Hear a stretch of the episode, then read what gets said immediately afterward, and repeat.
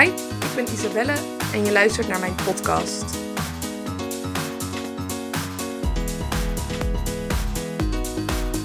Goedemorgen. Ik weet niet wanneer jullie deze podcast luisteren, maar eh, ik neem hem op om kwart voor zeven 's ochtends. Ik zit op dit moment eh, in de auto onderweg naar de sportschool. En nou ja, dat ik onderweg ben naar de sportschool, dat zal je wel niet zo heel veel verbazen. Maar het feit dat ik om kwart voor zeven ochtends in de auto onderweg ben naar de sportschool, dat eh, is niet iets wat ik normaal gesproken doe.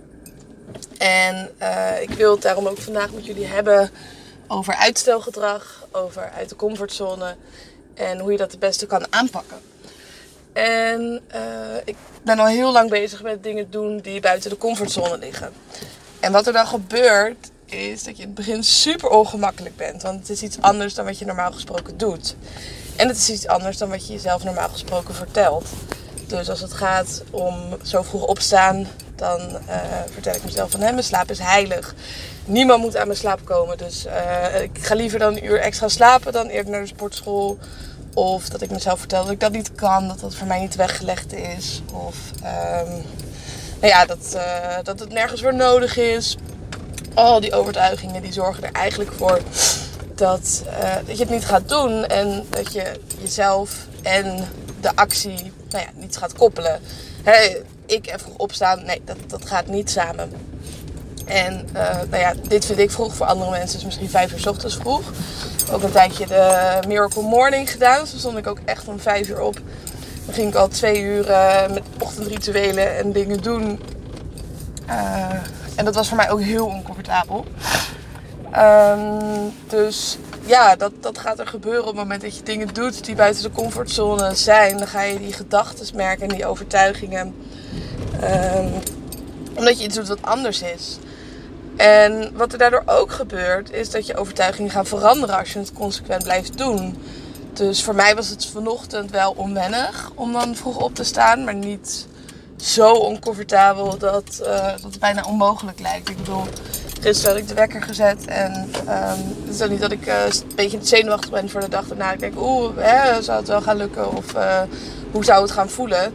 Omdat ik vaker uit de comfortzone kom. En dan word je op een gegeven moment comfortabel met oncomfortabel zijn. Dan herken je dat gevoel. Dan weet je, oh ja, dit is dat oncomfortabele gevoel dat ik iets anders doe dan wat ik normaal gesproken doe. En um, anders doe dan wat ik normaal gesproken denk. En dan weet je dat je groeit. En dan weet je dat het eigenlijk bijna leuk is om je zo ongemakkelijk te voelen. Net zoals dat je een beetje spierpijn voelt na het trainen soms. Dan weet je, oh, ik ben aan het groeien. Ook als die spierpijn niet helemaal fijn. Sommigen vinden het fantastisch, maar dat is niet vanwege de pijn, maar vanwege het resultaat. En uh, een andere reden dat ik het dus in de ochtend doe, is um, vanwege het principe eat the frog. Uh, en dat heeft alles te maken met je uitstelgedrag. Want heel veel mensen beginnen de dag al met uitstelgedrag. En dan denk je, nee joh, ik niet. Hè? Uh, maar denk eens over het gaan van je wekker wat doe jij op het moment dat de wekker gaat? Ben jij dan iemand die de wekker meteen uitdrukt en opstaat en gaat? Of druk je nog even op de snoesknop? Of uh, druk je je wekker wel uit, maar ga je vervolgens een half uur scrollen op social media voordat je je bed uitkomt? Dat zijn al allemaal vormen van uitstelgedrag. En uitstelgedrag is een bepaalde verleiding. Want je moet iets doen waar je eigenlijk niet zo heel veel zin in hebt. Dus het is makkelijker om dan het uit te stellen want dan hoef je niet op de korte termijn te dealen met het lastige. Dus het is een bepaalde vorm van verleiding dus om het uit te stellen. Net zoals uh, chocola eten. Dat geeft je gewoon eventjes op korte termijn een goed gevoel. Maar op lange termijn moet je er toch ooit mee gaan dealen. Um, maar op korte termijn geef je dus toe aan die verleiding door het uit te stellen.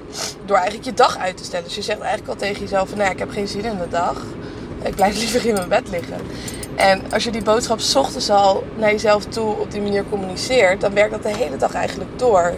En doordat je ochtends al toegeeft aan de verleiding, is het lastiger om gedurende de dag ook nee te zeggen tegen andere verleidingen of tegen dezelfde verleiding. Dus wanneer jij ochtends al op die snoesknop drukt en eigenlijk het uitstel van het, opst ja, het opstaan uitstelt, dan is de kans ook veel groter dat je gedurende de dag bepaalde taken gaat uitstellen.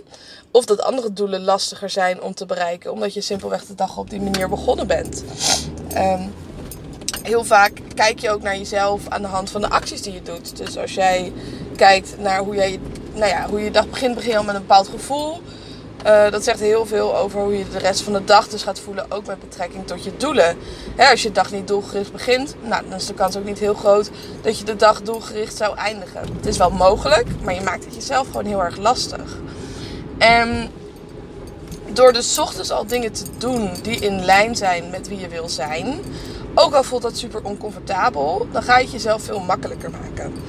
En het principe van Eat the Frog is daarop gebaseerd. Die zegt als jij ochtends al de aller, lastigste taak doet, of als je daarmee begint, nou, dan gaat de rest van de dag eigenlijk alleen maar makkelijker worden. Want dan kan je niet meer tegen jezelf zeggen: Oh ja, dit is te oncomfortabel, dit stel ik lekker uit. Dus een aantal dingen die ik ochtends heb gedaan om in die mindset te komen, die ga ik even met je delen.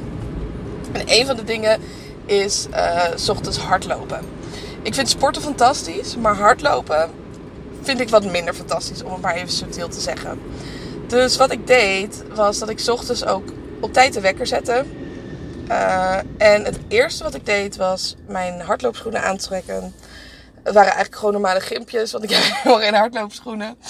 Uh, mijn sportbroek en ik rende een rondje in de buurt. En dat, het was maar een paar minuten. Maar dat was voor mij al genoeg. Het starten was voor mij het meest oncomfortabele. En dat herken je vast wel met uitstelgedrag. Dat het starten, dat is het moeilijkst. Niet het volhouden ervan. Uh, ik heb bijna nooit iemand gehoord die zei: Oh ja, ja, nee, ik ben uh, één minuut begonnen met de taak en toen heb ik hem weer weggeschoven. Ik ben één minuut begonnen met leren, ik ben één minuut begonnen met sporten en toen ben ik omgedraaid en ben ik weer uh, terug naar huis gegaan. Het gaat echt om het starten en door jezelf daarvoor te trainen, gaan andere taken ook veel makkelijker worden die lastig voor je zijn, maar minder lastig dan wat je aan het begin van de dag hebt gedaan. En wat ik ook heb gedaan is koud douchen. En heel veel mensen zeggen ook nee, dat zou ik echt niet kunnen. Nou ja, er, ja, er is niks moeilijks aan. Je draait gewoon de knop van het koude water draai aan en je gaat onder de douche staan. Maar al die overtuigingen die maken dat je denkt dat je het niet zou kunnen.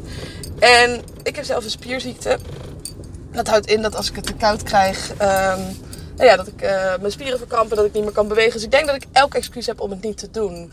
Maar toch heb ik het gedaan. En door jezelf goed voor te bereiden en uh, je gedachten daarin te trainen.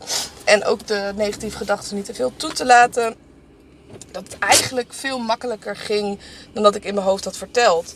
Hoe meer ruimte je ook uh, jezelf geeft om over iets na te denken, hoe meer ruimte het inneemt. Dus hoe groter het eigenlijk gaat worden in je hoofd. Terwijl het eigenlijk helemaal niet zo'n heel groot ding is. En uh, nou ja, door je dag op die manier te starten, gaat de rest gewoon veel makkelijker zijn. Omdat je al denkt, ik heb het onmogelijke gedaan. Dus bring it on. Wat kan je nog meer vandaag met me doen? Dus vandaag mijn dag gaat ook zo worden. Ik uh, ben nu bij de sportschool. Het is 7 uur.